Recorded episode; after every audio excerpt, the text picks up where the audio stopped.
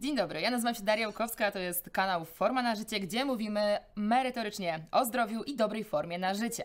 I taką dobrą formą na życie, moim zdaniem, jest e, nauka i posiadanie coraz większej wiedzy. Dziś moim gościem będzie e, osoba, która jest ekspertem do spraw zapamiętywania i powie nam co nieco o tym, dlaczego uczymy się źle i jak robić to e, dobrze. Moim gościem jest Bartek Czekała, którego już doskonale znacie, ale z trochę innych tematów. Bartek jest ekspertem technik pamięci pamięciowych i poliglotą ze znajomością ośmiu języków. No i jak znacie Bartka już doskonale też od strony e, takiej, że Bartek ma ogromną wiedzę na tematy okołozdrowotne i jest wielkim pasjonatem nauk e, medycznych, około medycznych. Dzień dobry Bartku. I witam serdecznie. Bartek, powiedz, ja słuchałam podcastu z Tobą sprzed dwóch lat i tam mówiłeś, że tygodniowo czytasz około 250 badań. Jak to jest możliwe i czy praktykujesz to dalej? E, nie dość, że praktykuję, to już po, pociągnąłem do, do absurdu, e, bo właściwie czytam, czytam, bo tam jak wyjaśniałem, że nie, nie zawsze chodzi o czytanie. Teraz ja to nazywam przerabianiem. E, więc teraz przerabiam do mniej więcej 1200-1400 e, badań tygodniowo. No właśnie, przerabianie na, na, pewno należy wyjaśnić, bo oczywiście absolutnie nie byłoby możliwości, żeby nawet czytać więcej niż, nie wiem, bym powiedział, 100 badań tygodniowo, jakbym miał mnóstwo czasu. Chodzi o przerabianie, mianowicie mam po prostu e, newslettery medyczne z tematów, które mnie interesują, które dostaję bezpośrednio skrzynkę zautomatyzowane przez wujka Google'a i Dostaję to mniej więcej trzy razy w tygodniu. Tych newsletterów w jednym rzucie jest pod 40 obecnie, w jednym jest mniej więcej do 20 badań naukowych. I tak jak to działa, to jest po prostu otwieram sobie dany newsletter i przechodzę jakby czytając e, temat po temacie.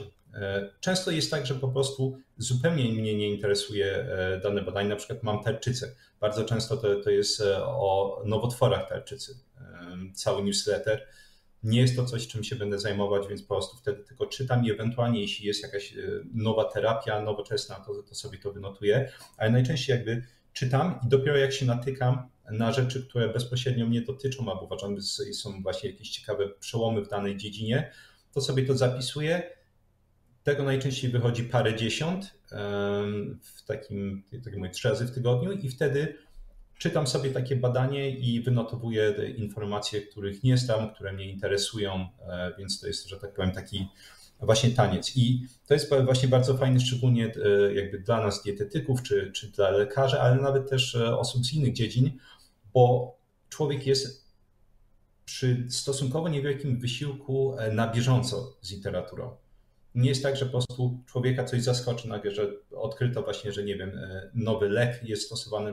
Ktoś się mnie pytał a propos leczenia boreliozy ostatnio e, w komentarzach i to było dla mnie ciekawe, bo też gdzieś tam akurat na ten moment, dwa tygodnie wcześniej przed tym komentarzem, E, wyszły jakieś nowe badania, że w momencie jakby tej, tej już później boreliozy, kiedy e, symptomy neurologiczne występują, odkryto, że hagromycyna jest bardzo dobrym antybiotykiem, który właśnie mocno łagodzi te stany. Mhm.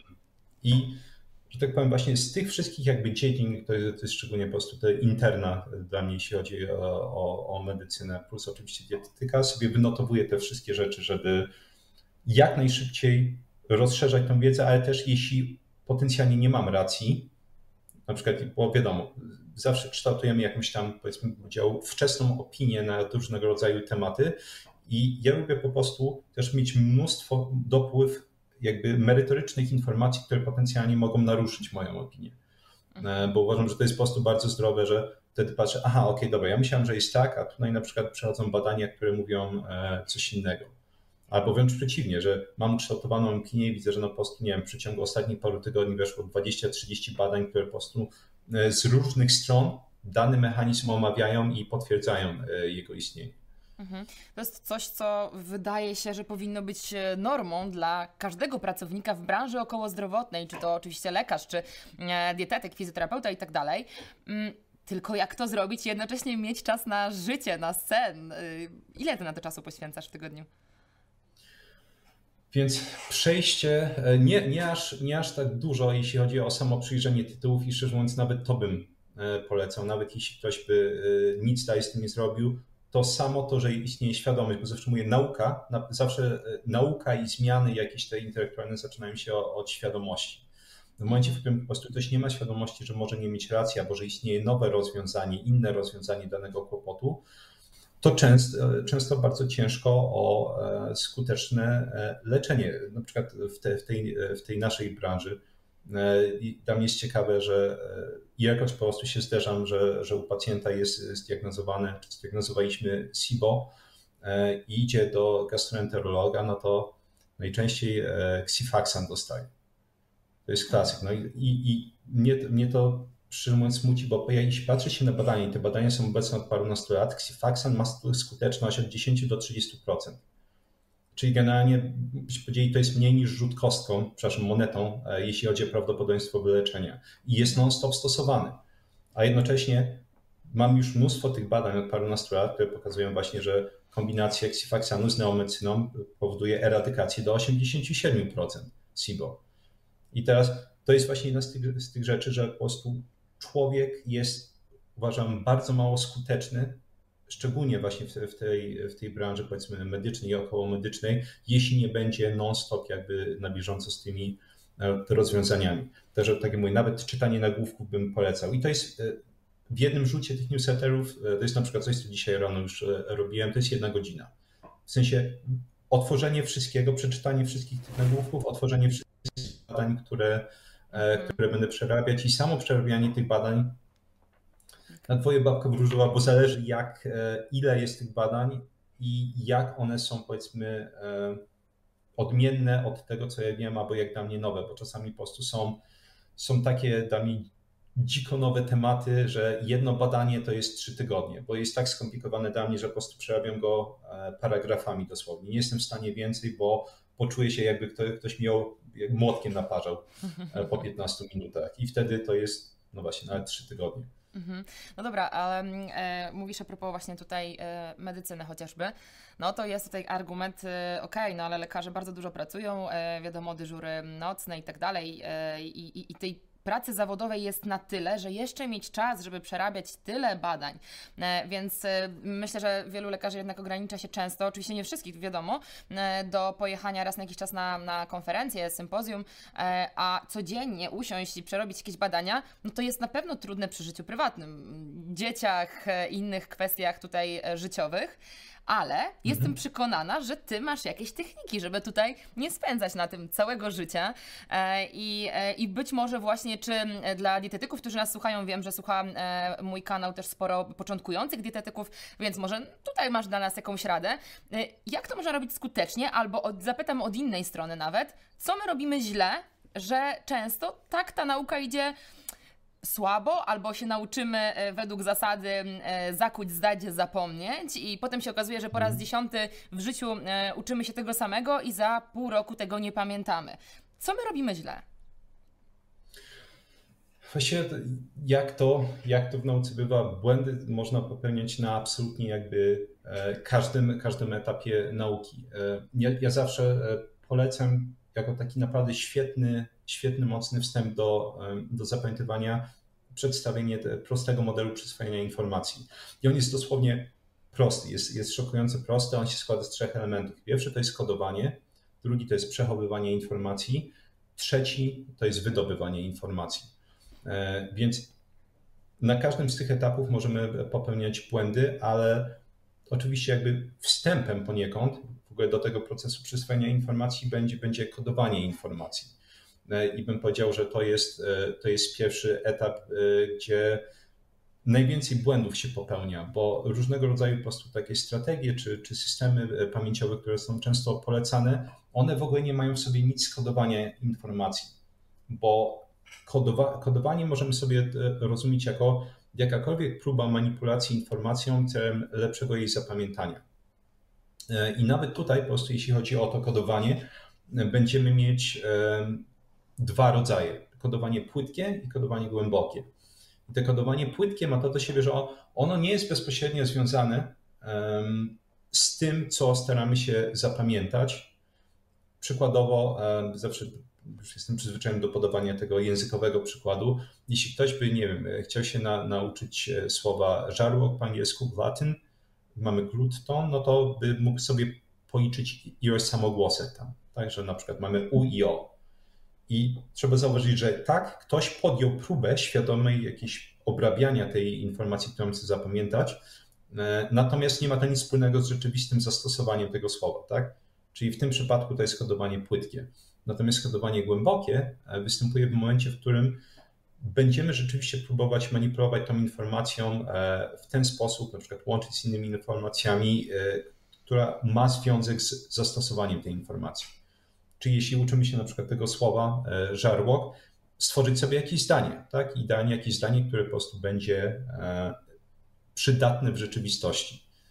Mm, tak, także to byłby pierwszy etap. E, brak w ogóle kodowania, albo jeśli występuje kodowanie, to to kodowanie jest płytkie.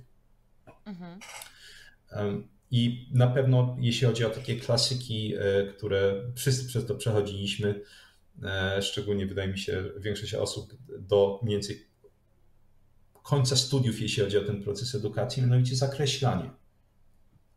Tak, zakreślanie jest to jak, jak w jakiś sposób próba, próba obrobienia informacji, także ok, to jest bardziej ważne, to jest mniej ważne.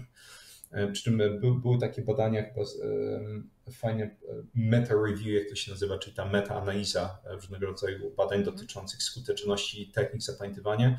Tam fajnie wyłuskali jakby najbardziej bezużyteczne metody nauki.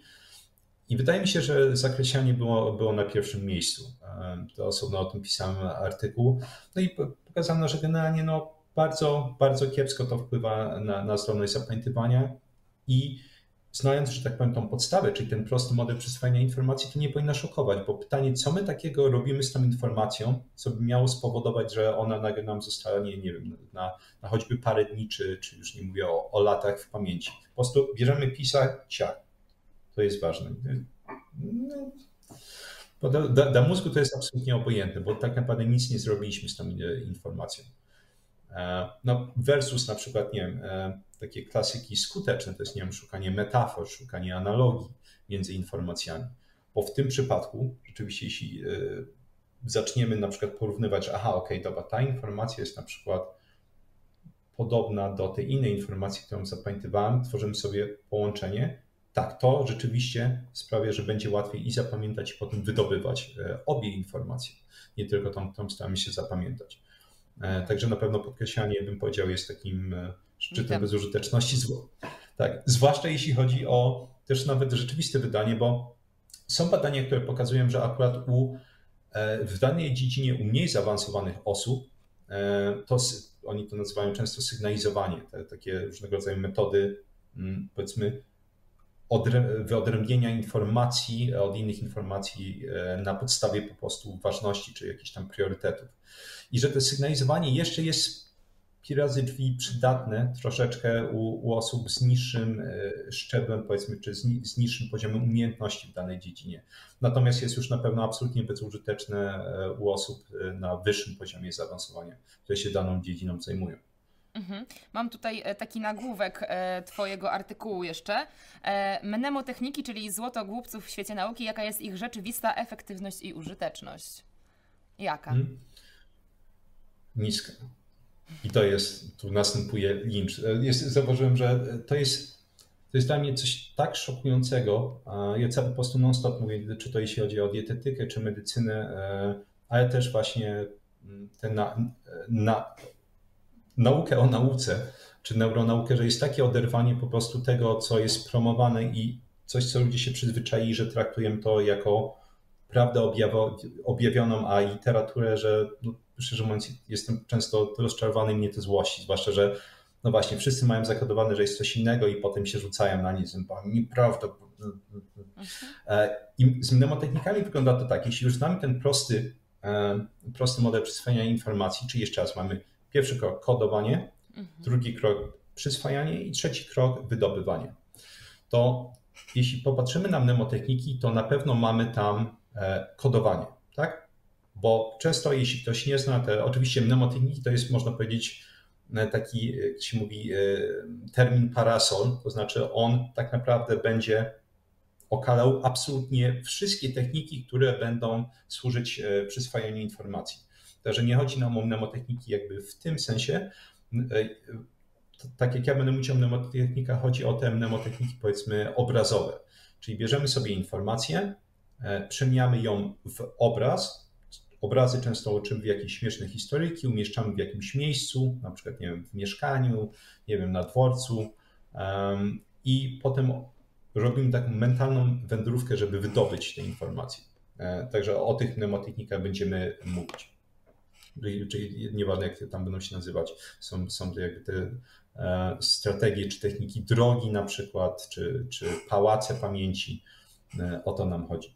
Mhm. I w tym przypadku mamy kodowanie, tak? Bo jeśli właśnie weźmy sobie znowu tego żarłoka, tak? E, jeśli chcielibyśmy sobie mnemotechnicznie zakodować tego żarłoka, czyli mamy glutton, pisze się to glutton. I znaczenie tego słowa to jest jeszcze raz żarłok, czyli tworzymy sobie historię, że mamy tego, nie wiem, powiedzmy, wyobraźmy sobie grubasa, takiego obrzydliwego, który je tonę glutów, glut ton, tak, i mu ścieka po twarzy. I jest tam mnóstwo różnego rodzaju e, takich sensorycznych rzeczy, które sprawiają, że człowiek to będzie pamiętać. Ten obraz jest bardzo, bardzo pamiętliwy. I oczywiście umieszczamy to na przykład, nie wiem, tutaj na, e, przy wejściu do mojego pokoju, więc jeśli będę chciał sobie wydobyć na przykład, nie wiem, 10 słów zapamiętanych w ten sposób, to wchodzę do pokoju i wyobrażam sobie, że nie wiem, może nie mogę otworzyć drzwi, bo tam właśnie ten grubas jedzący tą tonę grutów siedzi. Um, I więc, więc niesmaczny przykład, ale to właśnie to jest jedna z rzeczy, która sprawia, że, że jest taki pamiętliwy. Um, I tak sobie będę wydobywać informacje. I mimo, że to może nawet siedzieć, nie wiem, e, dłuższy czas, tydzień, dwa, trzy tygodnie w głowie, bo obrazy, obrazy są dużo, dużo łatwiej wydobywalne niż e, jakby te informacje powiedzmy semantyczne. Czyli samo to, że popatrzymy na kartkę Glaton równa się żarłok. Jednocześnie e, pierwsza rzecz to jest, to jest kodowanie płytkie. To jest absolutnie kodowanie płytkie. To, to, co my robimy, nawet przemienianie tego w obrazy, mimo że jakby daje tą pewność siebie, szczególnie w okresie e, krótkofalowym, sprawia, że po prostu ludzie mają e, właśnie to poczucie, że tak, to jest po prostu najlepsza możliwa technika na świecie, natomiast jeszcze raz, jest kodowanie płytkie. Nie ma absolutnie żadnego związku z tym, jak my użyjemy tego słowa. To jest jakby pierwszy kłopot, bo nie, ma, nie, nie tworzymy sobie odruchu tego, że my tego słowa będziemy używać w jakimś określonym kontekście. E, przechowywanie możemy sobie tutaj darować i przejść od razu do wydobywania. I wydobywanie ma to do siebie, że jeśli chcemy wydobyć informację, musimy umieścić w niej te cues, jak to się nazywa po angielsku, czyli tak jakby wskazówki, które pozwolą nam zaktywizować jakby samoistnie tę informację w odpowiednim kontekście. Czyli na przykład jeśli e, byśmy uczyli się słowa e, pies, to moglibyśmy pomyśleć, ok, dobra, jak jest, jakie wskazówki dodać, jakie inne słowa, jaki inny kontekst, który by sprawił, że będzie łatwo wydobyć tą informację. I bym powiedział, ok, jeśli ja mam psa, to wydoby, przepraszam, wydobyć, wyprowadzić psa jest fajnym kontekstem, tak? Bo używam go często, dla mnie jest naturalny, będzie dużo łatwiej wydobyć to słowo. Jeśli natomiast wziąłbym sobie słowo pies i zakodował e, to słowo powiedzmy w kontekście, nie wiem, czarny pies śmierci, władca Hadesu, to jest ok, nawet jeśli, jeśli ciut łatwiej jest zapamiętać początkowo, bo jest znowu jest jakby taki efekt nowości tutaj, e, że jest na tyle dziwne skojarzenie, że łatwiej się, łatwiej się pamięta przez jakiś czas, natomiast wydobywanie. Wydobywanie na, takie automatyczne następuje, kiedy to, co zakodujemy, będzie pokrywać się możliwie jak najwięcej, idealnie jeden do jednego z tym, co chcemy wydobyć. Czyli jeśli ja zapamiętam sobie słowo pies w zdaniu e, muszą wyprowadzić psa, to jeśli będę, będę potem chciał wydobyć zdanie muszę wyprowadzić psa, jest olbrzymia szansa, że to się uda. To jest pokrycie jeden do jednego. Jeśli będą podobne pokrycia, powiedzmy, nie wiem, pokrycie będzie 60%, 70%, czyli na przykład zmienię czas, czyli e, powinienem wyprowadzić psa, przepraszam, nawet nie czas, tylko, tylko czasownik, albo wyprowadzę psa, wciąż to pokrycie jest wystarczająco duże, że prawdopodobnie wyciągniemy to słowo. Natomiast im większa jest rozbieżność, albo w ogóle nie ma pokrycia, tym mniejsza szansa i mimo, że to nie jest jakby, tak powiem, w, w pełni um, obliczalne, jakie będzie mieć szanse, to jeszcze raz, im większa rozbieżność, tym mniejsza szansa oscylujące często w okolicy zera. Bo ten pies Hadesu, kiedy ja, w ogóle nie licząc te, powiedzmy tej sytuacji, nigdy w życiu nie użyłem tego, tego słowa, więc w tym momencie, czy w takim kontekście, e, więc szansa na to, że jeśli bym na przykład uczył się nowego języka, byłbym to w stanie wydobyć e, słowo pies, jeśli bym je tak zakodował, jest, jest bardzo niska. Dlatego często trzeba mieć więcej kontekstów z danym słowem, żeby, jak mówię często, odblokować je, jeśli chodzi o, o wydobycie.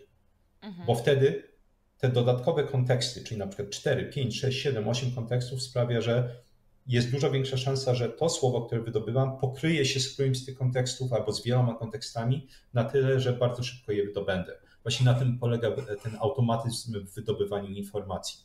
Także człowiek jakby ma tylko impuls, chce sobie przypomnieć na przykład nie wiem, dany fakt czy dane słowo w języku obcym i wylatuje z nas. Mhm. No dobra, a mówisz teraz o, o właśnie y, słówkach w języku obcym, a jak to w takim razie przełożyć na te nasze badania naukowe, czy generalnie czytanie, na przykład czytamy różne książki takie popularno-naukowe, z których też często chcemy dużo e, zapamiętać, e, czy no takie te wspomniane już e, badania naukowe, czy, czy jakieś skróty badań naukowych, no i jak hmm. to zrobić, żeby jak najskuteczniej je czytać i jednocześnie to wszystko hmm. zapamiętywać, żeby nie tracić hmm. właśnie czasu i żeby, jak to niektórzy potrafią, sypać się od razu z rękawa tymi wszystkimi faktami, a czasem nawet nazwiskami naukowców, którzy te badania stworzyli. Na pewno trzeba zacząć od, od tego, zanim przejdziemy do pojęcia zainteresowania. Prawda? To jest najzwyczajniej w świecie zainteresowanie. Pamiętam, że w podstawówce miałem, e, miałem kolegów, którzy po prostu potrafili sypać po prostu jak z rękawa, bez oczywiście żadnych technik. W tym wieku nikt się tym nie interesował, e, jeśli chodzi o, o koszykarzy. Mhm. Złote czasy NBA, nawet ja się interesowałem, mimo że sport, że tak powiem, oglądanie mnie słabo interesuje od dawna, ale pamiętam, że to po prostu siedziało w głowie, człowiek był zainteresowany, zbierał mhm. jakieś karty, żył, żył tym. E, więc jeśli nie ma tego zainteresowania, nie ma tego powiedzmy elementu afektywnego, jak to się nazywa, czyli właśnie połączenia emocjonalnego, to szczerze mówiąc szansa jest zerowa. Mnie na przykład nie interesują, nie wiem, auta. E, szansa na to, że oczywiście technikami da się, da się to odejść bez problemu, ale szansa na to, że ja byłbym w stanie, nie wiem, tkwić w opisach aut, tego, nie wiem, jak, jak silnik pracuje, jema obrotów i tak dalej, e, długi czas jest zerowa, bo nigdy mnie to nie interesowało. E, więc na pewno trzeba zacząć od tego, trzeba mieć jakieś jakiś pęd, jakieś zainteresowanie, jakąś motywację, jakąś więź emocjonalną z tym. Mhm. Na przykład u, u, mnie, u mnie, nawet zanim, zanim się tym zajmowałem, to motywacja była taka, ja lubię pomagać. Po prostu nie wiem, cały ten, nawet mój biznes, e, te strony, które tworzyłem lata temu, to była chęć dzielenia się wiedzą. Więc dla mnie to było takie zawsze poniekąd podświadome, fajnie jakbym to na przykład zapamiętał, bo może się zdarzy sytuacja, zawsze miałem taką, nie wiem, wizję, że może się zdarzyć sytuacja, że będę mógł wykorzystać te informacje, żeby, żeby komuś pomóc. I, to jest właśnie taka fajna podstawa. To będzie nasza podstawa. Natomiast warto wtedy oczywiście polegać na, na jakichś technikach e, czy na jakichś strategiach i na pewno coś, co absolutnie zawsze polegam, e, to jest Anki. Jeśli ktoś nie wie Anki, gdzieś wrzucimy na pewno link w opisie, to, to mhm. jest program do optymalizacji powtórek informacji. Znaczy, to jest program, który będzie nam na podstawie naszych odpowiedzi wyznaczać daty kolejnych powtórek. Czyli zupełnie jakby odpada nam cały proces podejmowania decyzji, że, który zawsze będzie występować w momencie, w którym ktoś korzysta z jakiejkolwiek innej metody, czy podejścia do nauki, czy nieważne, czy to są książki papierowe, jakieś ekserówki, czy to są strony internetowe, mhm. bo jeśli przeczytaliśmy informację, na pewno trzeba ją powtórzyć. Może trzeba na nim popracować, lepiej ją zakodować.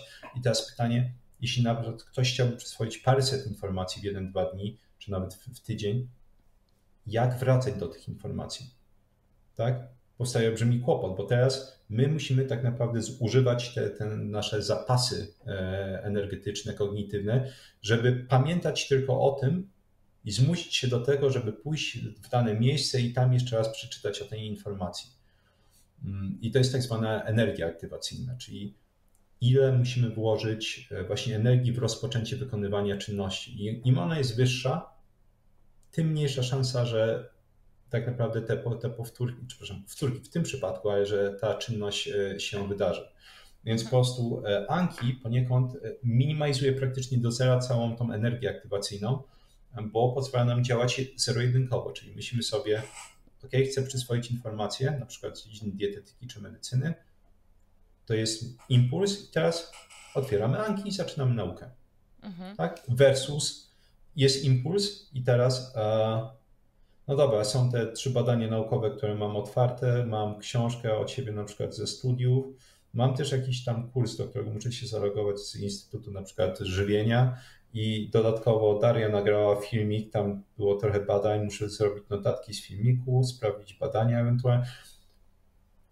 I teraz samo opisywanie tego chwilę trwa, a teraz jeszcze raz to wszystko zrobić, to kosztuje mnóstwo, mnóstwo energii. I mózg mózg to jest taki malutki organ, ale on zużywa 15 do 20% energii. Więc naprawdę olbrzymie zasoby. I mózg nie chce w ogóle, żeby ktokolwiek tej energii dotykał, więc mówię, często jest taki fajny mechanizm racjonalizacji, który się włącza szczególnie w momencie, w którym chcemy okraść mózg z energii. To znaczy, zawsze mówię, najlepszy test to jest wyobrazić sobie, jeśli ktoś nie lubi biegać, że teraz chcę pójść pobiegać 50 km i będę to robić w ramach postanowień noworocznych 4 razy w tygodniu.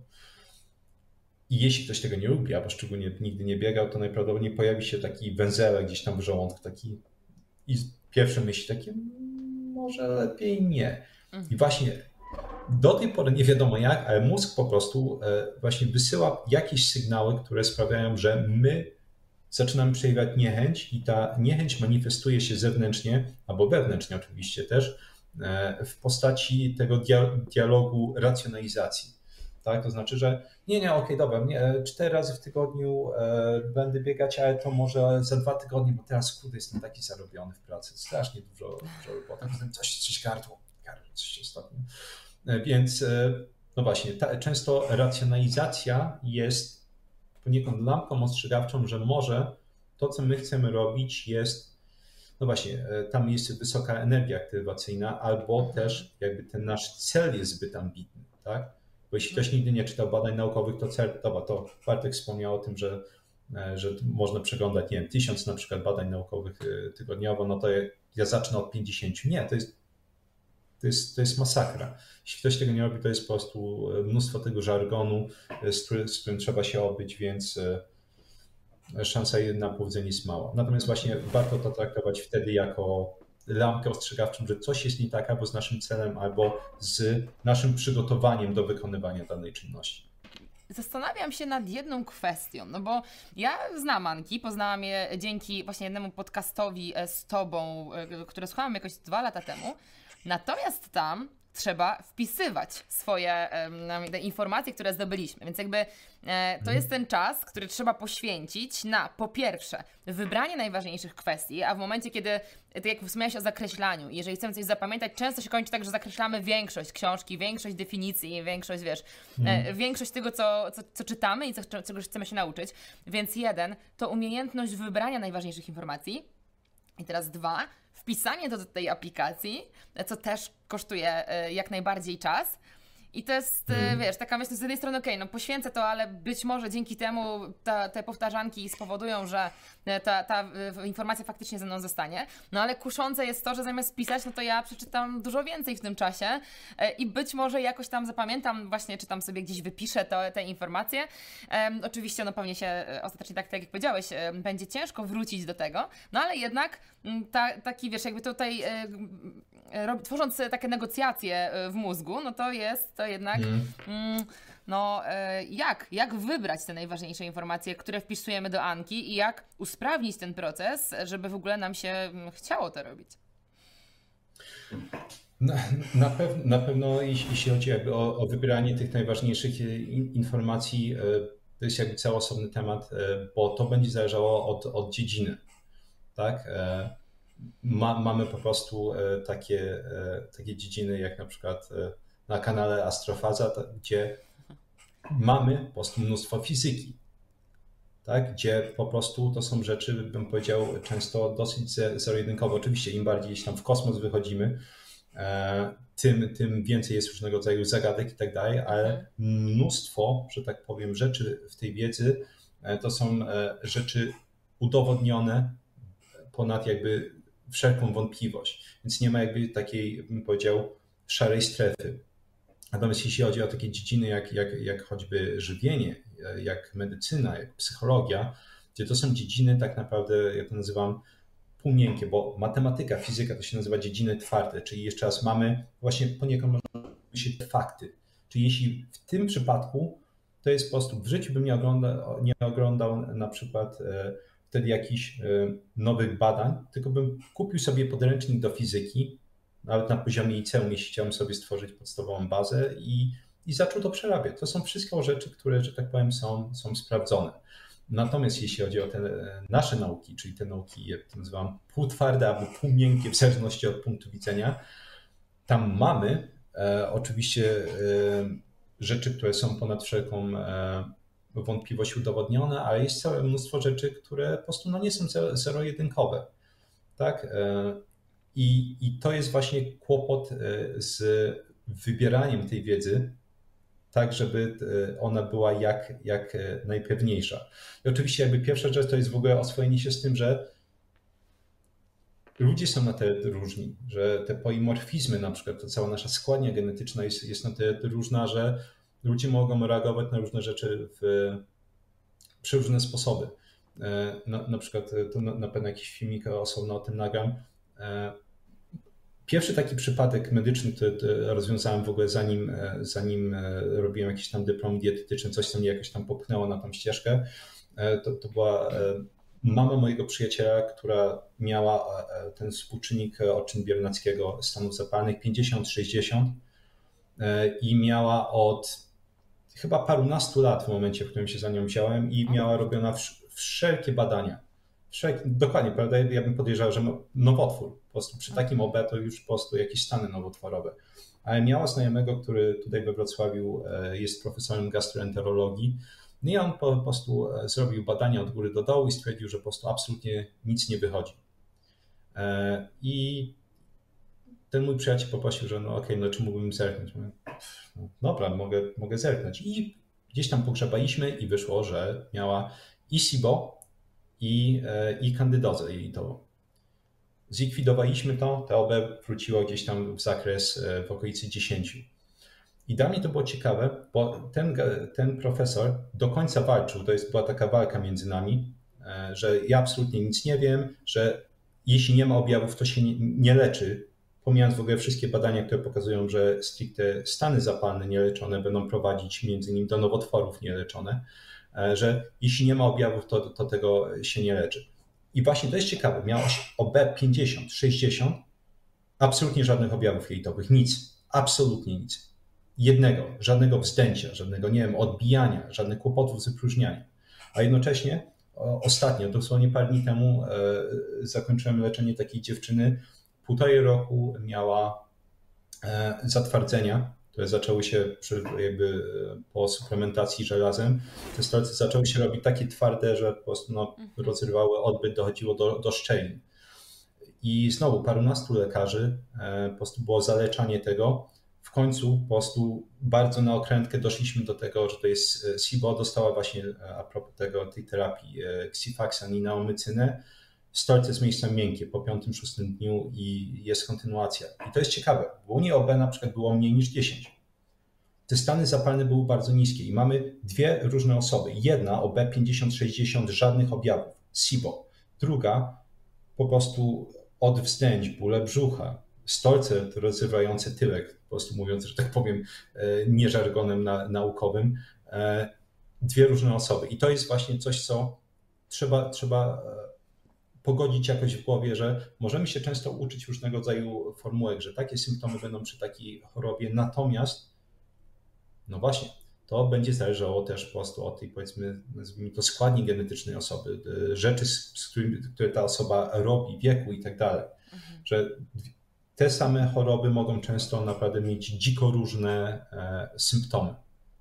E, więc jakby to jest jedno, przygotować się na dwuznaczność bo jeśli ktoś nie jest, nie jest e, w stanie żyć w zawieszeniu, jeśli chodzi o opinię w takich dziedzinach, to szczerze mówiąc, wydaje mi się, że dosyć ciężko jest być skutecznym, bo, bo idealnie ten proces formowania informacji, przepraszam, e, opinii to jest formułujemy jakąś wstępną opinię, zawieszamy ją, aż jakby liczba informacji, która przyciąży tą opinię na którąś ze stron będzie wystarczająco duża, żeby, no właśnie, uzasadnić to przeciążenie. E, co jest, co jest strasznie ciężkie, bo, bo my mamy tą tendencję okupowania się w opiniach, tak, że nie wiem, ktoś właśnie przeczytał, że non-stop są, są te walki z keto, tak, ktoś tam przeczytał wypowiedź jakiejś pani profesor, czy, czy e, między innymi ten fantastyczny filmik, który ostatnio nagrałaś a propos posłanki i jej, jej opinii, że mięso powoduje cukrzycę,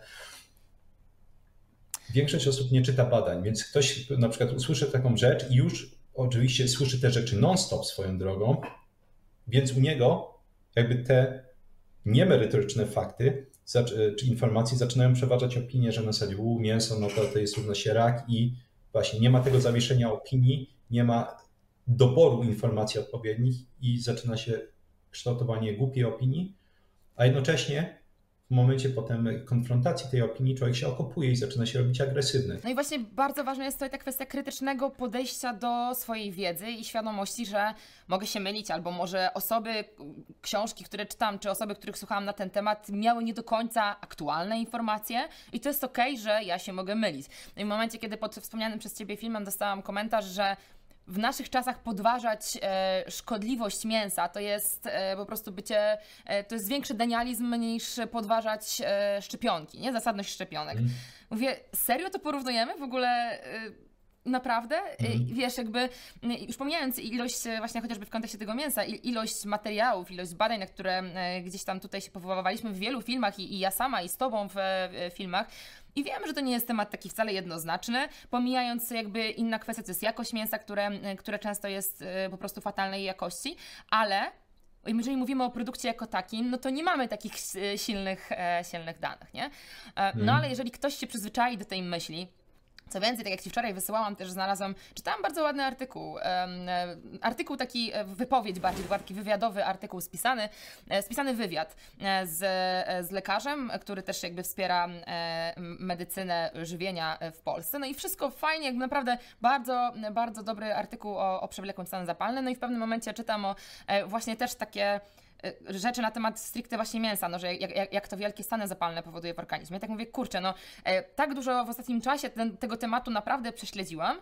i nie spotkałam się z takimi informacjami, więc y, ja też chcę napisać tego maila do tego pana, pana doktora, y, bo y, no, być może ja tego nie wiem, być może ja faktycznie przegapiłam jakieś naprawdę solidne wiesz, badania tutaj i ta osoba, która mi zarzucała tutaj te, te, te, te bycie foliarzem, że tak powiem, foliarzem żywienia, Ach, e, tak. E, też zarzucała właśnie, że no przecież skoro największe organizacje e, mają stanowisko, że powinniśmy nie jeść mięsa, no to tak powinno być. Po pierwsze, nie, nie ma takich stanowisk, które mówią, że powinniśmy w 100% odrzucić, e, tylko ewentualnie minimalizować. A po drugie, stanowisko wydaje się raz na jakiś czas, a badania naukowe wychodzą regularnie. I oczywiście też nie chodzi o to, że jedno badanie zmienia wszystko, bo to zaraz też o tym powiemy, czym jest e, tak zwany pubmedyzm, e, o którym, tak. o którym gdzieś tam, o którym też wa warto znać to zjawisko.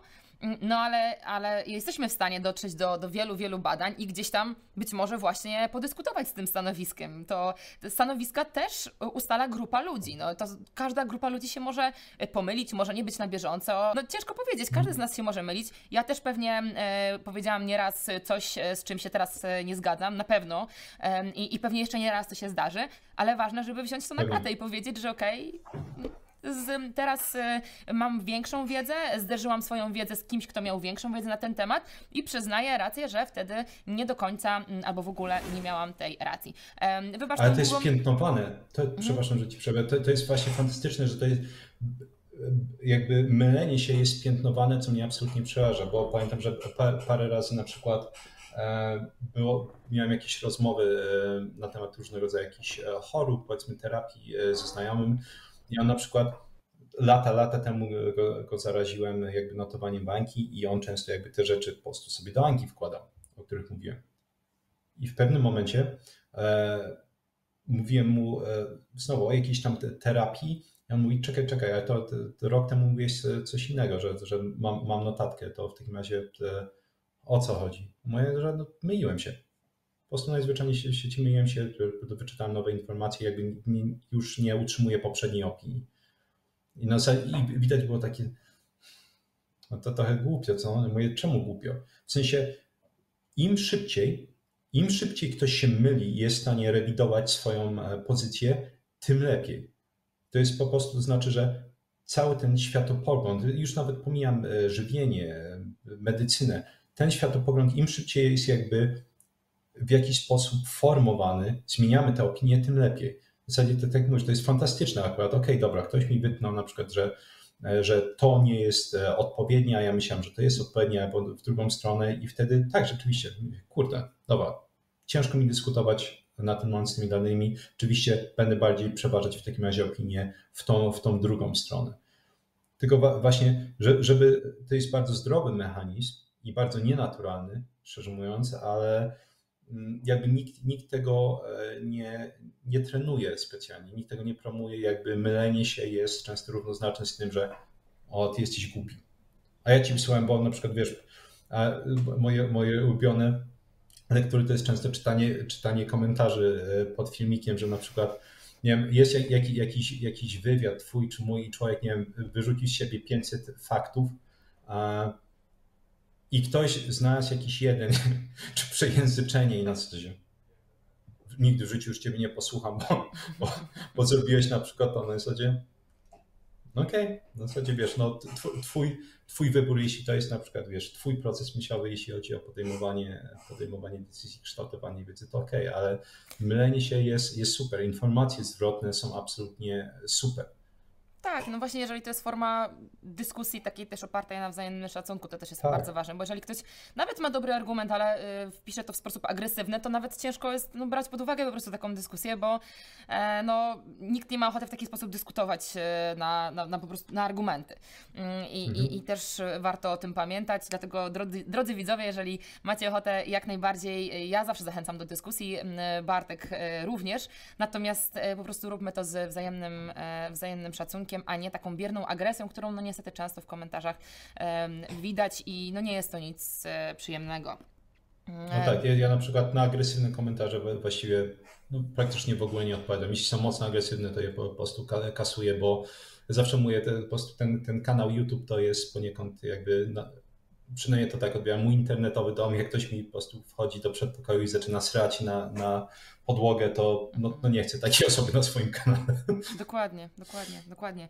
No dobra, słuchaj, e, ładna nam e, dygresja myślę z tego wyszła, natomiast wracając do, tak do, do, e, tych naszych anek, czyli jeszcze tak kończąc jakby temat Anek, bo jeszcze chciałam Cię zapytać o ewentualne inne narzędzia, natomiast tutaj mhm. podsumowując, czyli wybieramy to, y, co wpisujemy tam, zakładając, że mówimy o tych powiedzmy kwestiach e, z dziedzin nauk okołomedycznych, e, to, mhm. co e, najbardziej może nam się przydać, jak, jak to, wiesz, segregować, że akurat ta wiedza nam się przyda, a ta być może, tego być może nie powinniśmy wpisywać na tę chwilę. Mhm.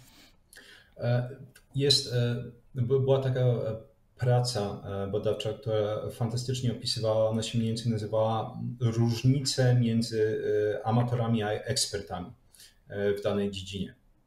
I tam jakby oni wypunktowali rzeczy, które rzeczywiście będą mocno rozróżniać amatorów od, od ekspertów, czy właściwie bardziej na odwrót.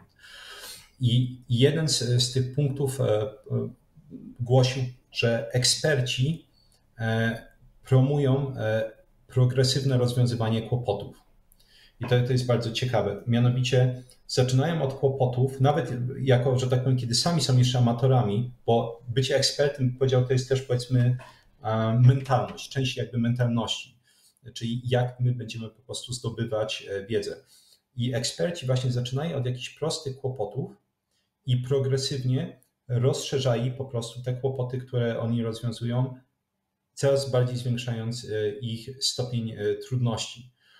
I patrząc, patrząc na ten punkt, jedna z takich rzeczy, która się z miejsca będzie nasuwać, to jest, jeśli ktoś, nieważne, bo, bo może można się amatorsko interesować i też pomagać ludziom, choćby, choćby swoim, swoim bliskim. Ja mhm. akurat jestem nihilistą, jeśli chodzi o, o tytuł, ja jestem fanem e, wiedzy. E, więc jeśli e, na przykład chciałbyś komuś pomóc, czy to jako nie dietetyk, dietetyk, lekarz, nieważne, to po prostu, to po prostu zacząć od tej jakiejś jednej dziedziny, jednego problemu, który wiadomo, że występuje w Twoim życiu, masz z nim styczność, mógłbyś go potencjalnie na przykład e, e, rozwiązać. że ta wiedza w jakiś sposób po prostu wpłynie na na przykład na ciebie, twoich bliskich albo osoby w twoim bezpośrednim e, otoczeniu. Bo wtedy trzeba zauważyć, z miejsca tworzymy swoje środowisko nauki, mikrośrodowisko nauki. Znaczy, że te informacje, które przyswajamy, one będą być w stanie użyte, one będą być w stanie przyswajane i to jest bardzo, bardzo ważne. I oczywiście nie dość, że chcemy, żeby te informacje były przydatne, to kłopoty, z którymi będziemy sobie radzić, one, e, czy, e, które chcemy rozwiązywać, powinny być na początku stosunkowo proste, a potem zwiększamy progresywność. E, ja na przykład mam taką dosyć dziwną zasadę, znaczy powiedzieć, że ona jest podyktowana, jeśli chodzi o te moje konsultacje dietetyczno-medyczne, że ja się z tego nie utrzymuję. Dla, dla, mnie, dla mnie to jest jakby jakiś tam dodatek i, i też frajdę z używania wiedzy, a ja automatycznie odmawiam większości pacjentów, którzy przychodzą z prostymi rzeczami. E, najczęściej biorę z miejsca tylko osoby, których nie są zdiagnozowane, mają jakieś kłopoty, które nie zostały zdiagnozowane do tej pory, albo mają parę chorób na raz i lekarze nie są im w stanie pomóc. I to mi kosztuje dużo więcej czasu niż, że tak powiem, te, te pieniądze, które się bierze, bo czasami to jest, ja muszę na przykład, nie wiem, 5-10 godzin spędzić w badaniach, e, żeby na przykład dokształcić się, jeśli chodzi o jakiś problem, żeby, nie wiem, może wyszukać kolejne narzędzie diagnostyczne, o którym nie, nie miałem pojęcia.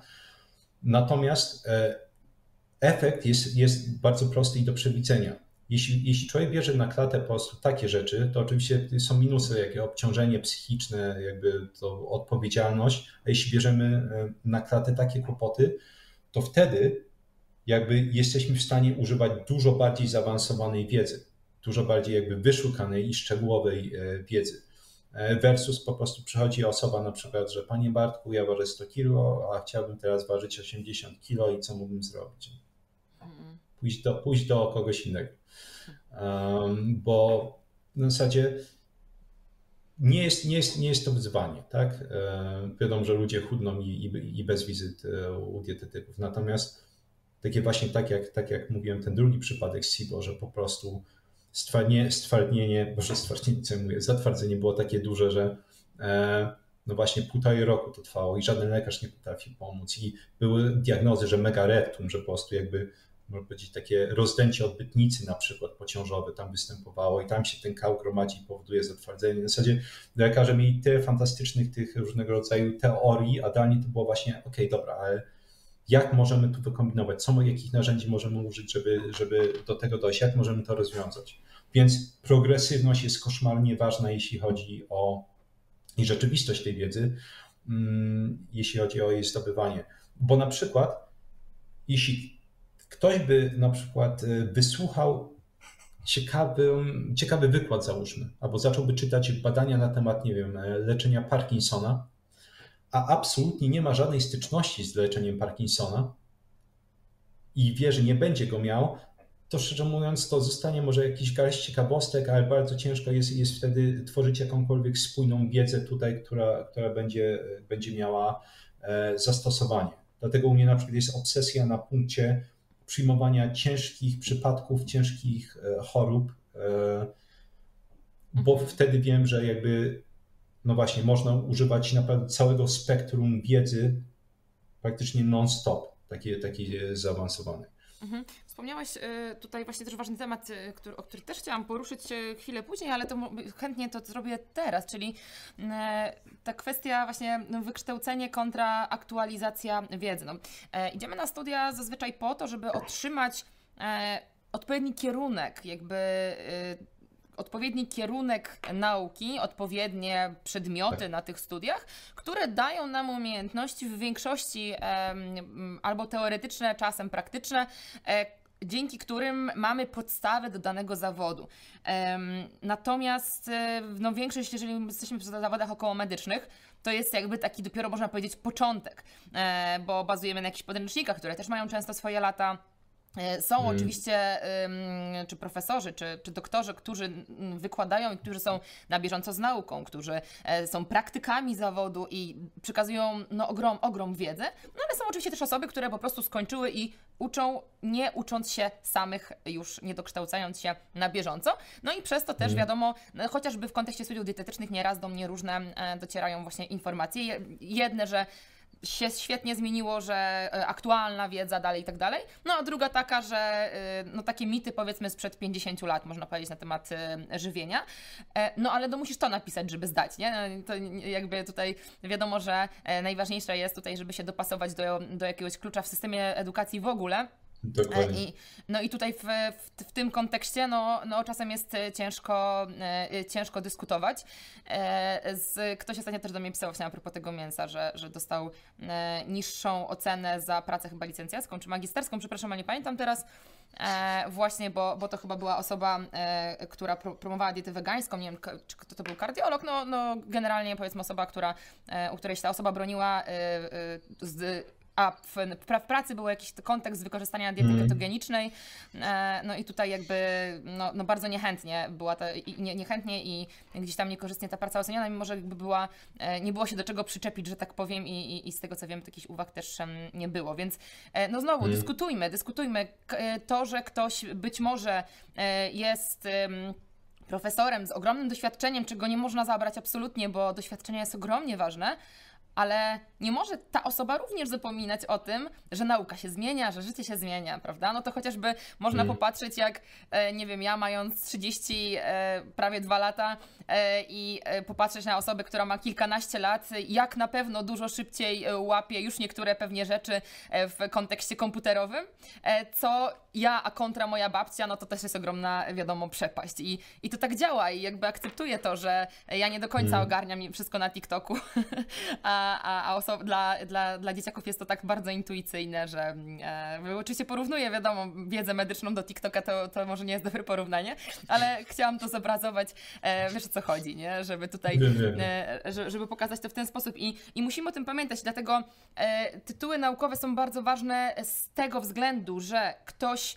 mm, kto się na tym zna, ma duże doświadczenie sprawdził, ocenił naszą wiedzę i wie, że jest e, ona odpowiednio dobra prawdopodobnie, żeby rozpocząć naukę, chociaż wiemy, że e, wysyp też różnego rodzaju szkół, studiów e, i jest w naszych czasach taki, że oczywiście ta, to wykształcenie wyższe w każdej już dziedzinie, e, no jest troszeczkę ten, ten próg znaczenia, próg e, tego, jak bardzo jest to prestiżowe i faktycznie świadczy o dużo większej wiedzy, no to trochę zmalało jednak. Nie, jakby o, o ile, o ile kwestia studiów medycznych tutaj, to, to myślę, że dalej jest, do, są bardzo trudne studia, ale mówiąc o innych studiach, no to, no to jednak wiemy, że nie jest to, że tak powiem, duże wyzwanie skończyć w naszych czasach studia. No i więc mamy osobę, tutaj kończąc ten mój długi zbyt długi wywód, e, mamy dwie osoby z tym samym, e, powiedzmy, papierem, tylko jedna osoba może w tym czasie cały czas na bieżąco się dokształcać, a druga zatrzymać się 10 lat temu, bo poszła tak naprawdę interesująco innego, idzie do pracy, kończy pracę,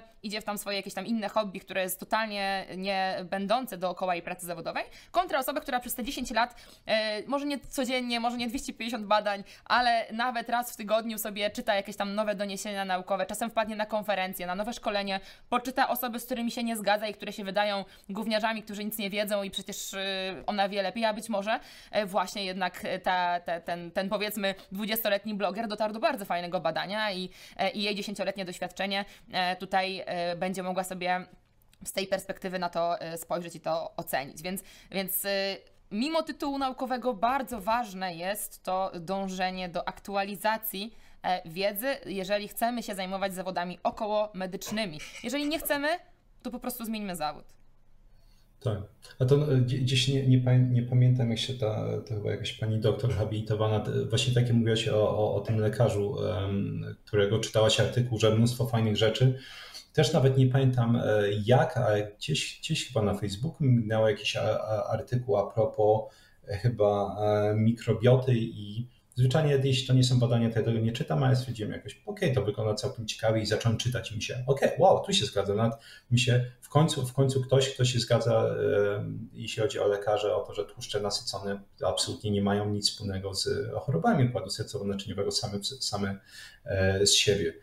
E, no i tak czytam, czytam, aż właśnie dochodzę do sekcji, w której, w której e, pani twierdzi, że zbytnie spożywanie białka będzie prowadzić do, do osteopenii i osteoporozy z czasem.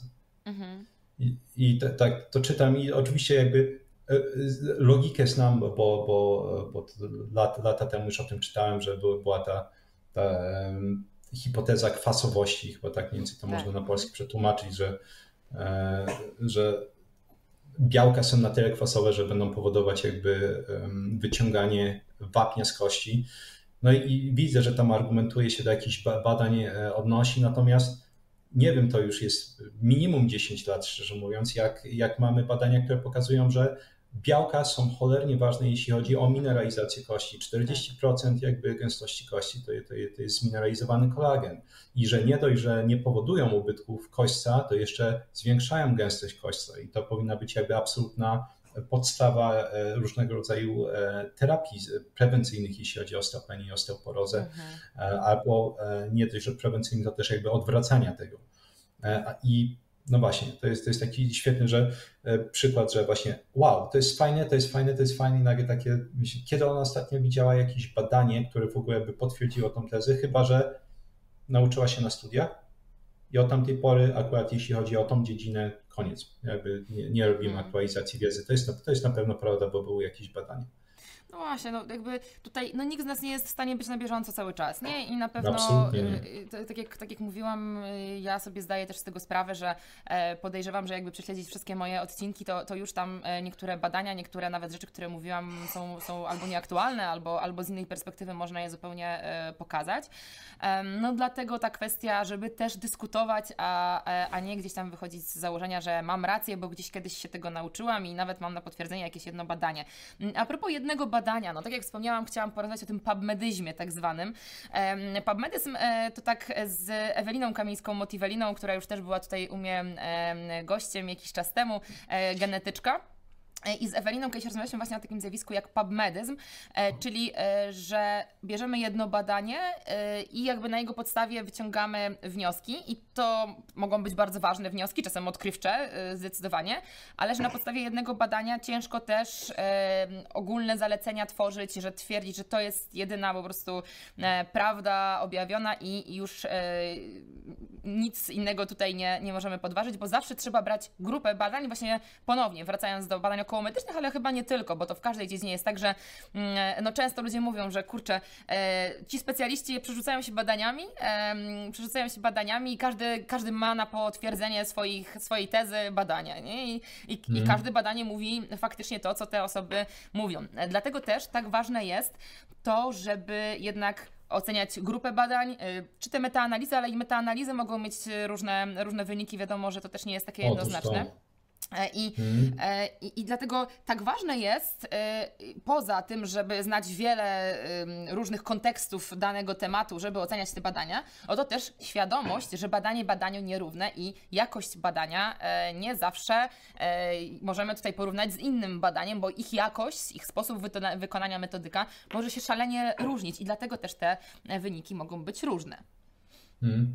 Otóż to ja często na przykład słyszałem, e, jak, jak, jak, jeszcze mi się chciało e, i miałem trochę więcej czasu, jak czasami z kimś sobie dyskutowałem gdzieś tam w internecie czy w komentarzach, to, to ktoś wysyła badanie, to ja po prostu roznoszę to badanie na strzęp i ktoś mówi, ale ty się czepiasz. A na, a, na, a na czym polega interpretacja? Bo na przykład ktoś, e, pamiętam, że w końcu zablokowałem tą osobę, bo stwierdziłem, że starczy, starczy głupot dawałem jakieś badania a propos diety ketogenicznej, e, że jest ok, e, że łagodzi e, o czym to było? O nerkach, tak, że, że po prostu przy, przy jakiej dysfunkcji dieta ketogeniczna łagodziła stany zapalne. To jest ogólnie no, bardzo jakby taka przeciwzapalna dieta, więc to nie dziwiło i ktoś mi tam wpadł, że jakieś 3-4 badania wkleił a propos tego, jak ona jest szkodliwa. Pierwsze było w ogóle o COVID-zie. Mhm tak to, to czytam, mówię, no okej, okay, no dobra, to coś się przekleiło, nieważne, idziemy dalej. Drugie, poka pokazanie, że, że e, było rzeczywiście jakieś badanie, gdzie, gdzie sobie tutaj wkleiłem, żeby omówić w filmiku, żeby pokazać po prostu, jak, e, jak potencjalnie no, na, na co zwracać uwagę. Że u jakichś tam paru nastolatków, że dieta ketogeniczna właśnie spowodowała powstanie blaszek miażdżycowych, rozwój miażdżycy. Myślę, u, i to rzeczywiście jakieś tam wychodzi, że e, nie obserwacyjne, tylko rzeczywiście coś tam mierzymy się. Ciekawe, mówię, absolutnie nie słyszałem. Pomijam to, że zwyczajnie rozwój miażdżycy zajmuje, to były młode osoby, rozwój miażdżycy w sensie w skrajnych przypadkach od dwóch, trzech miesięcy może e, zająć do trzech lat. Mhm. W skrajnych przypadkach, jeśli dieta jest bardzo po prostu nieodpowiednia, po prostu jest mnóstwo różnego tych czynników obciążających, ale zwyczajnie to są grube, grube lata, tak jak to często tą tumorogenezę czy powstawanie nowotworów się szacuje, że to jest proces 10-12-letni minimum, to też powstawanie, e, powstawanie tych chorób układu sercowo-naczyniowego czy miażdżycy to jest proces na grube, grube lata, ale tam wykazali, że w pół roku. No i czytam to badanie i okazuje się, że po pierwsze nie ma linii bazowej. Nikt tego nie sprawdził, w sensie jak, jak, jaki, był stan, e, e, jaki był stan aort przed badaniem. Aha. I tak mi się, to co my, co my dokładnie badamy? Oni zbadali chyba po trzech miesiącach i wyszło, że coś jest. Aha, okay. Mówię, no to fantastycznie i było, że dieta ketogeniczna to spowodowała mi się, kurde, ciekawe, szukam sekcji dieta. Zwyczajnie powinna być sekcja dieta, jedli posiłków dziennie, jakie były przerwy między posiłkami, jaki Jaka był jakość? skład posiłku. Mhm. Dokładnie. Nie ma sekcji posiłki. Nie ma sekcji dieta było napisane katogeniczne. Nie ma napisane, nie było węglowodanów nawet w abstrakcie, ani nigdzie w badaniu. I myślę na zasadzie, nie ma linii bazowej. Nie wiadomo, co oni jedli. Czy to była dieta ketogeniczna, nie wiem, chipsy po prostu były bekonowe e, trzy razy dziennie. Ogóle nie, ma, nie wiadomo absolutnie nic i na, koń, na końcu po prostu, że dieta ketogeniczna przyczyniła się do powstania blaszek miażdżycowych. Fantastycznie, wow, to jest, to jest po prostu i to było badanie, które przeszło ten proces peer review. Ono zostało sprawdzone przez innych naukowców, więc dla mnie często to jest po prostu, jeśli słyszę, że nie, nie wiem, właśnie, jeśli coś przeszło peer review, to na pewno jest dobre.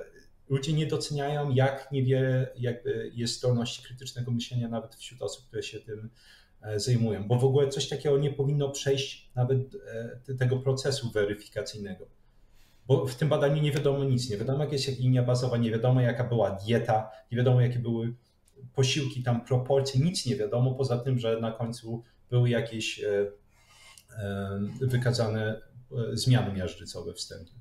Od razu mam ochotę odesłać właśnie tutaj, jeżeli drodzy widzowie jeszcze nie widzieliście, a na pewno część z Was nie widziała, bo to już jest jakiś czas temu publikowałam odcinek na temat drapieżnych czasopism tak zwanych, czyli wiemy, że no niestety naukowcy, tacy właśnie e, bardziej wkręceni w temat e, tutaj wiarygodności badań naukowych, czasem po prostu robią sobie e, żarty, jak powstał przeszedł właśnie też wszystkie tutaj opinie recenzentów, przeszło badanie, w które mówiło, że nietoperz z Pokémonów jest przyczyną COVID-19.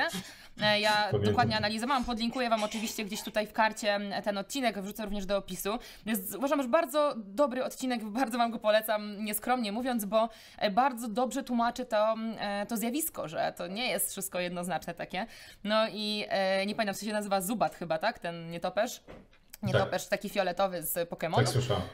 normalnie tam była też podana wioska, w której ten, ten zubat właśnie został odkryty jako przenoszący COVID, ale to była wioska, która nie istnieje. To była chyba też wioska z Pokémonów czy z jakiejś innej bajki. Mhm. Tam było już takich kilka kruczków e, w tym badaniu. Oczywiście to już było w ogóle takie badanie, badanie przegięte, ale takich historii jest więcej. I to też nie chodzi o to absolutnie, żeby nie ufać teraz przez to nauce, ale chodzi o to, żeby po prostu podchodzić krytycznie i faktycznie wszystko sprawdzać, nie wierzyć e, każdemu jednemu, w sensie, nie, tak jak wspomniałam wcześniej, brać pod uwagę grupę badań, e, a nie nie y, jedno wyrywkowe badanie i, bo jakbyśmy tamto badanie tylko wzięli pod uwagę, to by, ja bym była teraz pewna, no, że Zubat jednak jest przyczyną COVID i dlaczego wy nie wiecie tego? Bym teraz wypisywała wszędzie e, pod, e, pod ludźmi, którzy e, tworzą edukację na temat COVID, że wy nic nie wiecie, bo to wina Zubata, nie? Jakby, no tak, tak ludzie robią, na przykład chociażby w kontekście mitów tak. na temat szczepionek i tak dalej, że bo to eksperyment, bo to gdzieś ktoś tak powiedział i, i, jakby powiela się, powiela się te mity, to się wszystko przekleja i, i, już nie ma jakby, ktoś mu wkleja, zobacz, ale ty się mylisz, nie? Nieprawda, bo ja czytałam to badanie, nie? Albo oglądałam ten film z żółtymi napisami i tak dalej. E, więc no, trzeba pamiętać o tych mechanizmach i być otwartym, no, być otwartym na dyskusję e, i pamiętać o krytycznym myśleniu. Tak, ale, ale ostatnio jedna rzecz, która trochę zblokowała we mnie chęć dyskusji, e, nawet jeśli ktoś ma powiedzmy w miarę neutralne nastawienie, to jest, pamiętam na takiej fajnej, fajnej stronie e, Marginalist się nazywa, e, gdzie babka od parunastu lat publikuje różnego rodzaju fragmenty wierszy, historii różnego rodzaju myślicieli, pisarzy, po prostu przepiękna, przepiękna strona. Chyba nawet z tego co pamiętam, biblioteka, ten kongres Stanów Zjednoczonych włączył tą stronę jako mhm. listę takich skarbów tam w Stanach. I ostatnio był jakiś taki fragment, nie pamiętam, nie przypomnę sobie imienia tego pisarza, który tam w latach 30. dostał, e, dostał list od jakiegoś e, faszysty z Włoch, który chciał wejść z nim w dyskusję na jakiś temat. I bardzo by go prosił właśnie, żeby oni przedyskutowali parę rzeczy i po prostu bardzo elegancko ten, ten pisarz odpisał, że, e, że sam, sam bez żadnego, nie wiem, tego ad personam, bez żadnego wrażenia, że ich opinie są tak odmienne i, i jakby sama myśl o tym, że on miałby dyskutować cokolwiek z osobą, której po prostu nie, nie, nie, jest, nie jest w stanie szanować w jakikolwiek taki e, sposób, no to było dużo ładniej ujęte, więc przepraszam, to, to, to jeszcze raz tam nie było praktycznie żadnego obrażania i że on nie będzie więcej odpisywał na tej listy, on nie będzie się więcej wdawać e, w dyskusję, bo po prostu e, to absolutnie niczemu się nie przysłuży. To jest poniekąd jakby też ta legitymizacja tej osoby, także jeśli rozumiem, wdamy się w taką osobę w dyskusję, to ma zupełnie dzikie poglądy, zaczynamy poniekąd legitymizować tą, tą pozycję, że okej, okay, nie, wysłuchaj, to jest twoja dyskusja, przepraszam, twoja pozycja jest w ogóle warta dyskusji. Mhm. I na przykład y, zacząłem ostatnio już tak reagować, jeśli ktoś na przykład y, daje mi badanie epidemiologiczne, dyskutując na jakikolwiek temat, to da, da, ja już po prostu dalej nie kontynuuję tej, tej dyskusji. Widziałem u, u ciebie jakąś wojującą wegankę, która pokazuje, że w badaniach, badaniem epidemiologicznym chciała pokazać, że mięso jest złe. Mhm. I, i, I dla mnie to jest na zasadzie z, z kim dyskutować. Naprawdę z kim dyskutować, bo jeśli często te osoby nawet coś przeczytały, że te badania nie są w stanie wyznaczyć w ogóle przyczynowości, to jest korelacja i znowu, tak, prawda, korelacja, że nie wiem, kto się napił wody, to na, na pewno prawie umrze. Jeśli, tak. jeśli po prostu takie osoby wytaczają takie argumenty, są na takim, że tak powiem, nawet bym powiedział za przeproszeniem, tak odmiennie intelektualnym biegunie, jeśli chodzi o interpretację tych badań, to ja wolę te 2-3 minuty spędzić na klopie w ubikacji, e, czy, czy po prostu bawiąc się z synkiem, niż po prostu e, wdawać się w tą dyskusję, bo to nie, nie ma sensu. Po prostu absolutnie nie ma sensu. Są, wydaje mi się, właśnie takie przypadki, że takie dyskusje po prostu są absolutnie nonsensowne. Mhm. I, no tak. i, I nie bardzo wierzę nawet, że dałoby radę zmienić w ogóle opinię takiej osoby, bo jeśli ta osoba miałaby jakiekolwiek pojęcie, to prawdopodobnie nawet, nawet nie przytaczałaby takich argumentów w tej dyskusji. Te argumenty były, były powiedzmy ciekawsze, bardziej wyszukane, bardziej prawdopodobne niż że jest korelacja niesamowicie niska między jedzeniem mięsa a nie, właśnie nowotworami i tak grubego. Mhm, mhm. No to prawda, wiesz, z jednej strony zawsze jest taka, taka potrzeba, że okej, okay, no nie chcę pozostawić takiego e, komentarza bez odpowiedzi, a z drugiej strony, no właśnie, no, poświęciłam x godzin, x odcinków, x mojego czasu na opracowanie, wytłumaczenie tego, a ktoś potem wrzuca to jedno, okej, okay, i odpisz mi, no, no, no i takich osób jest, e, są setki, więc jakby rozumiem dyskusję w momencie, kiedy w tym danym, tak, że w tym danym, nie wiem, odcinku jest błąd, jeżeli faktycznie, e, okej, okay, porozmawiajmy nawet chętnie e, tutaj, czy, czy, mailowo, czy jakby tu, jeżeli jest otwarcie na tę dyskusję, faktycznie jest jakieś konkretne wskazanie sytuacji i wiem, że startuje, startujemy z podobnego poziomu zbadania tematu, w momencie, kiedy właśnie, no, pierwszy jest komentarz na zasadzie, że przecież wszystkie towarzystwa mówią, że wszyscy powinni najlepiej przejść na weganizm. Jeżeli ja in, mówię inaczej, to znaczy, że jestem, jak już wspomniałam, nie będę się drugi raz tutaj wyzywać. E, no to dla mnie po prostu już no, no ciężko dyskutować, no bo tutaj bym mogła teraz porzucić właśnie swoje e, życie prywatne, tworzenie nowych odcinków dla widzów, e, którzy na, czekają na nowe informacje, nowe tematy, nowych gości to będę wałkować temat, który już przewałkowałam w wielu, wielu odcinkach. Dlatego też czasem te komentarze po prostu muszą zostać bez odpowiedzi jeżeli hmm. po prostu e, nic nie zmieniają, a wręcz e, czasem e, no, będą uwsteczniać niestety. Bartek, u Ciebie w jednym z blogów jest taki nagłówek, dlaczego, znaczy u Ciebie jest taki nagłówek, że wiedza jest ważniejsza niż IQ i moje jest pytanie dlaczego? Hmm. Generalnie po prostu jakby ta, ta, ta zdolność i przetwarzania informacji, i przyswajania informacji, on, ona będzie przede wszystkim bazować na, na wiedzy, którą zgromadziliśmy. No bo to jest kolejny taki bardzo, bardzo szeroki temat, e, ale e, możemy choć, choćby zacząć od tego, ludzie często e, właśnie szukają skrótów. Mnóstwo osób gdzieś tam mi, mi często pisze, czy to maile, czy komentarze, że czy można by omówić jakieś substancje pomocnicze dla mózgu, tak? Czy właśnie, nie, nie wiem, jakieś te cholinę, różne, różne formy heiny, nie wiem, hupercyrynę, różnego rodzaju po prostu no, pepty, dziesiątki tych mm. nootropików, bo, bo to na pewno pomoże. I e, moja odpowiedź jest zawsze taka sama. To pomoże praktycznie tyle, co nic, bo właśnie wiedza sprawia, że zdolność przetwarzania informacji będzie szybsza, bo między innymi podobieństwo informacji, które będziemy przyswajać do tego, co my już wiemy, ma olbrzymi wpływ na jakby szybkość konsolidacji informacji, ale też ich przyswajanie. Mhm. Na przykład mm, postaram się jak najszybciej e, i bez zbyt dużo szczegółów opisać taki fajny mechanizm. E, w momencie, w którym po prostu stykamy się z informacją i ona jest, jak się mówi, spójna schematycznie z tym, co my już wiemy, e, to aktywizacja po prostu, jakby to zaczyna się często od hipokampu i teraz będziemy mieć różnego rodzaju ścieżki aktywizacji między hipokampem poprzez Mm, poprzez e, korę śródwęchową e, do właśnie kory przedczołowej. I w momencie, w którym te informacje są spójne, czyli jeszcze raz, one są podobne do tego, co już się uczyliśmy, to okazuje się, że my między innymi potrzebujemy dużo mniej snu, żeby ta informacja uległa konsolidacji. Jakby ta konsolidacja następuje już podczas pierwszych faz snu. Jakby tych faz e, snu, jeśli ktoś nie wie, są, są cztery.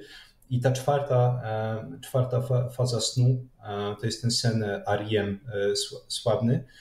I on dominuje, to jest ciekawe, on dominuje większą część nocy w dalszych cyklach po cyklu pierwszym jakby zasypiania. Mhm. Natomiast właśnie jeśli te informacje są podobne, to konsolidacja tych informacji podobnych następuje już w drugiej fazie snu.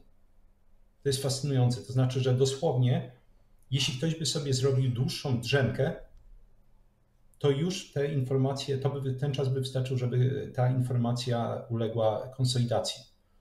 To jest po prostu fascynujące, bo teraz można sobie wyobrazić, że właśnie jest, e, no właśnie, w sumie no, ja jestem jakiś tam dobrym przykładem, bo ja spędzam godziny, godziny dziennie na, na nauce.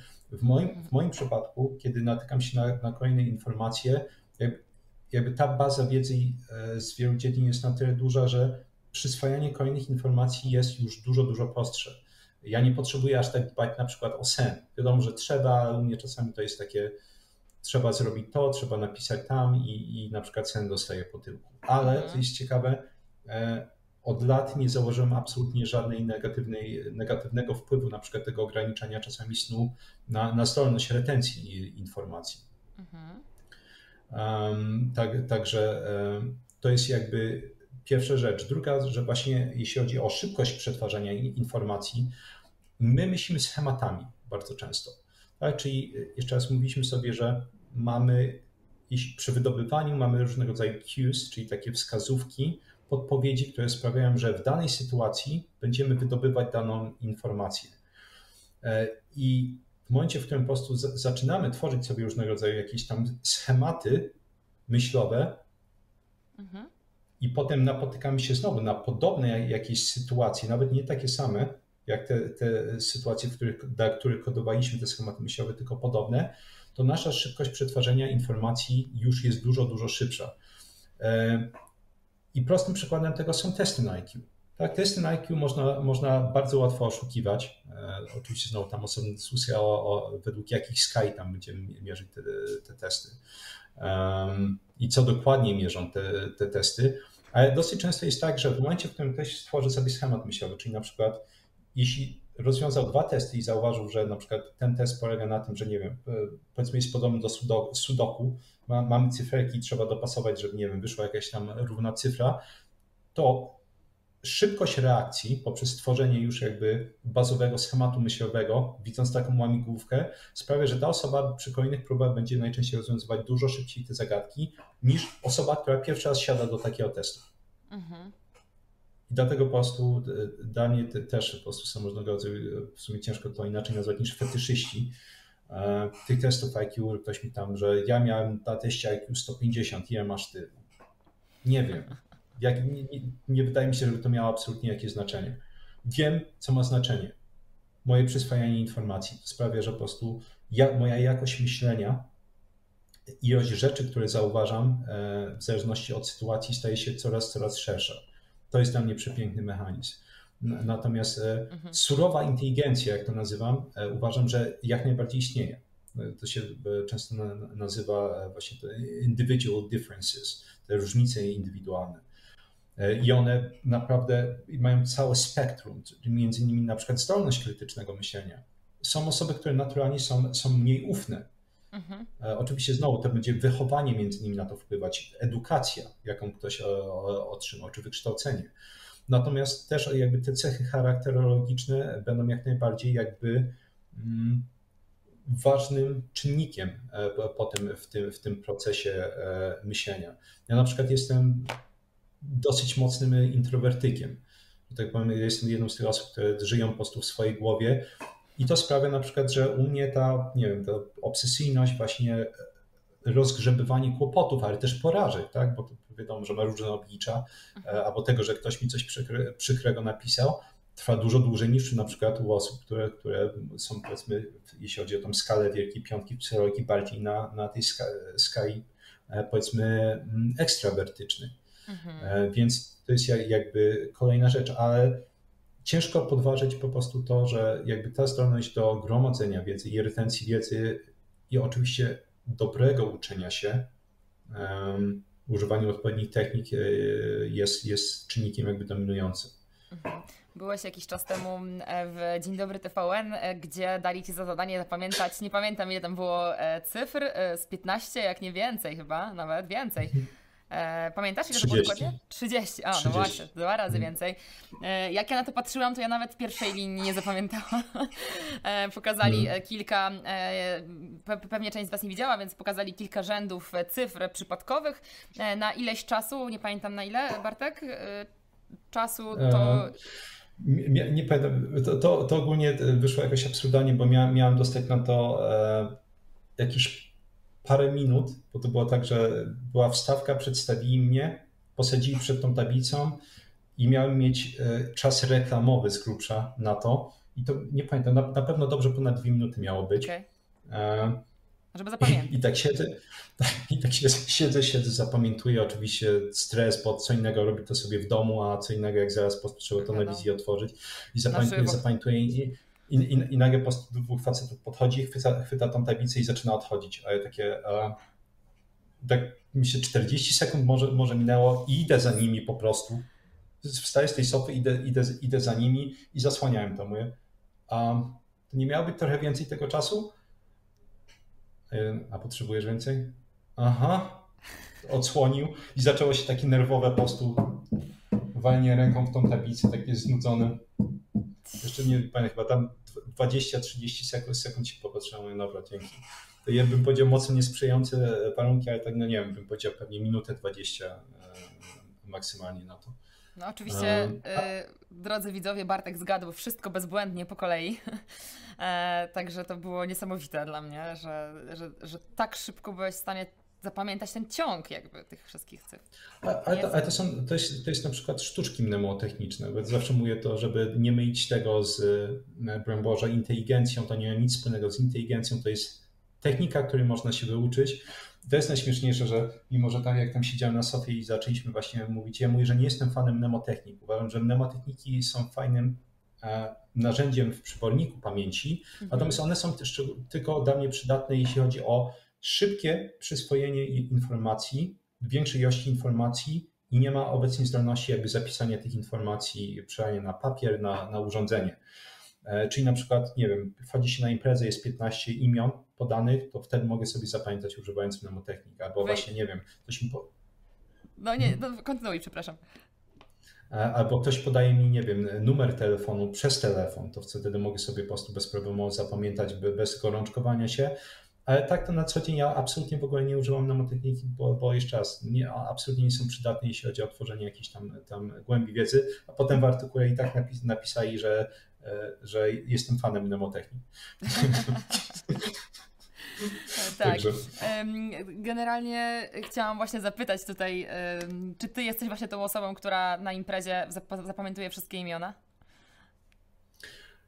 Jeśli, jeśli, jeśli czuję potrzebę, to, to, jeśli się wchodzi na przykład i wiem, że po prostu nie będę tam długo, to szczerze mówiąc, parę zapamiętam, prawie zawsze używam, ale rzadko kiedy się zdarza tak, żebym, też ponownie trzeba czuć potrzebę.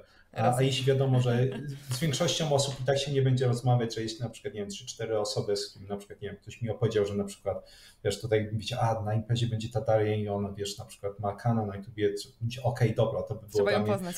To, wiesz, trzeba ją poznać. Natomiast często to wiesz, jest, jest mnóstwo osób, to, też bez sensu danie przy, e, przyciążać się i zapamiętując 20-30 imion z miejsca, bo potem i tak się podchodzi potem. Jeśli wyjdzie naturalnie, podchodzi ta osoba, no to sobie osobno zapamiętam i, mm -hmm. że tak mhm. powiem, będę trzymać to. Ale tak zwyczajnie raczej ciężko to używać. Ciekawe, bo, bo większość z nas, y, mówię większość z nas, bo z tego co to, to, y, kojarzę, to dużo osób tak, tak mówi właśnie, że y, no sorry, ja i tak zapamiętam przy pierwszym tym przedstawianiu się. Mhm. E, tak. I bo często jest chyba tak, że skupiamy się przede wszystkim na tym, co my mamy powiedzieć, niż na tym, co, co ktoś do nas mówi. A masz jakąś taką prostą technikę na to, jak, jak o tym e, tutaj pamiętać? Nie wiem, dopasować do jakiejś cechy charakterystycznej danej osoby?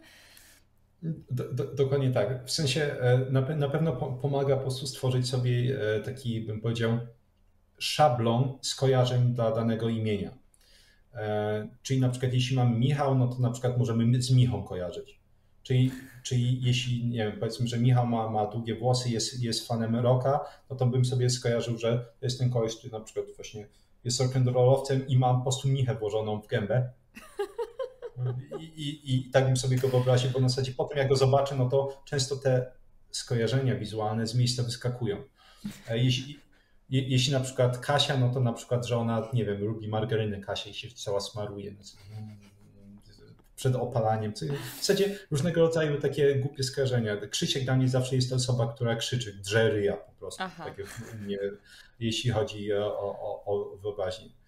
Na przykład okay. Piotrek to jest osoba, która ma Pietra, że ona się boi i, itd. itp. Na przykład Ale Daria, no to jest ta, ta z kreskówki, tak? To, to na przykład tak bym skojarzył. Ale to dodajesz... Taka sceptyczna. To ja. Tak. E, tylko soczewki mam dzisiaj. E, tak. E, natomiast to e, nadajesz od razu jakby tym osobom jakieś takie cechy. To działa taki ten efekt halo z psychologii, no nie? Czy tam efekt aureoli, że od razu masz mm. dodatkową e, e, za, za, imion, za, za, imieniem idą jakieś tam cechy, nie? Które, których być może tak, ta osoba nie tak, ma. Tak. tak, tak. W sensie idealnie właśnie to łączenie jakichś cech charakterystycznych i oczywiście na potrzeby chwili charakterystyczny jest nie, nie tylko wygląd, tak? Na przykład, ja nie wiem, ja mam większe odstające uszy i jeśli, na przykład zobaczymy taką osobę, no to i to byłby Michał, no to bym sobie wyobraził, że nie wiem, może uszy naciąga i wsadza do miski. Żeby właśnie... Ale tak od razu szybko... To, tak, tak, no. to tak głupio brzmi, jak się te skojarzenia mówi, mówi na głos. Um, ale no właśnie, rzeczywiście bym, bym dopasował jakieś te cechy, ale koszulka też, jeśli ktoś ma, nie wiem, koszulkę Slayera dla mnie e, i nie wiem, miałby na imię na przykład e, Piotrek, no to bym bawił, że jak chwyta siekierę, na przykład to ją upuszcza, bo się boi, bo właśnie z Pietrem e, bym to skojarzył. Okay.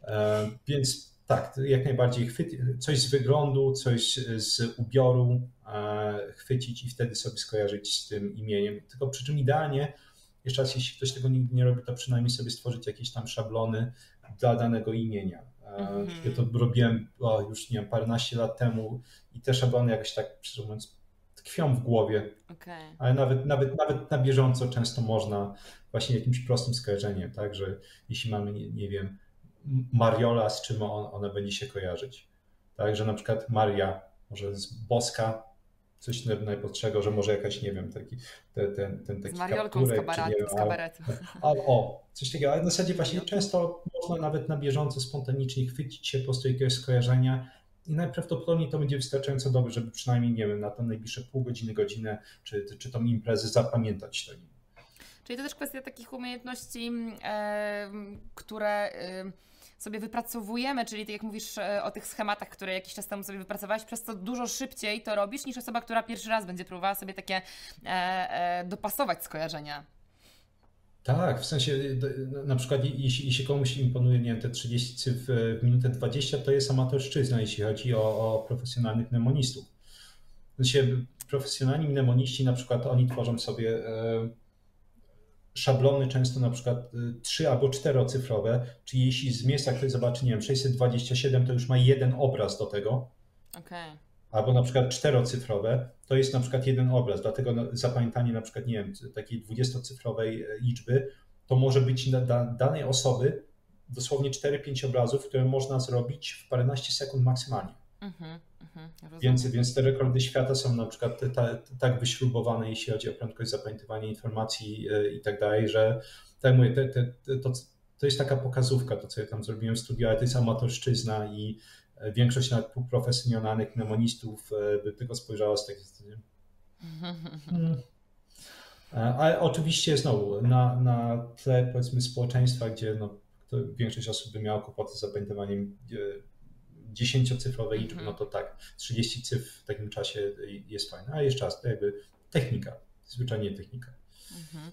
Powiedz y, tutaj, wracając na chwilkę jeszcze do, do tematu tych anek, a, a, narzędzia, którym są anki, e, czy są jakieś inne narzędzia, którym warto w ogóle się przyglądać, czy szkoda tracić czasu i od razu przekonać się do e, anek?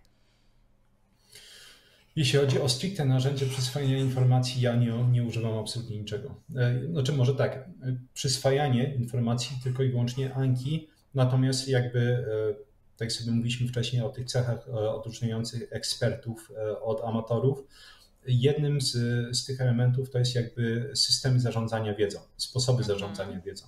Mhm. I oczywiście Anki jest o tyle fajne, że to jest też jakby baza danych. Tak? Jeśli ktoś na przykład nie wiem, mnie prosi, czy są badania na, ten, na ten temat, to ja sobie wchodzę po prostu do Anki i na podstawie słów kluczowych e, wynajduję po prostu badania, bo zawsze jakby jeśli coś sobie zapamiętuję, no to mam, e, czy prawie zawsze mam linki do badania naukowego, z którego pochodzi ta informacja. Okay. W ramach właśnie kształtowania, kształtowania takich merytorycznych opinii.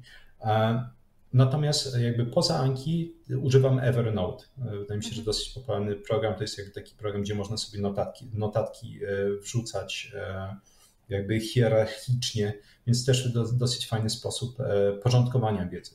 Więc tak naprawdę ta cała moja wiedza to jest, to jest Anki i Evernote, a jeśli chodzi o stricte naukę, tylko i wyłącznie Anki.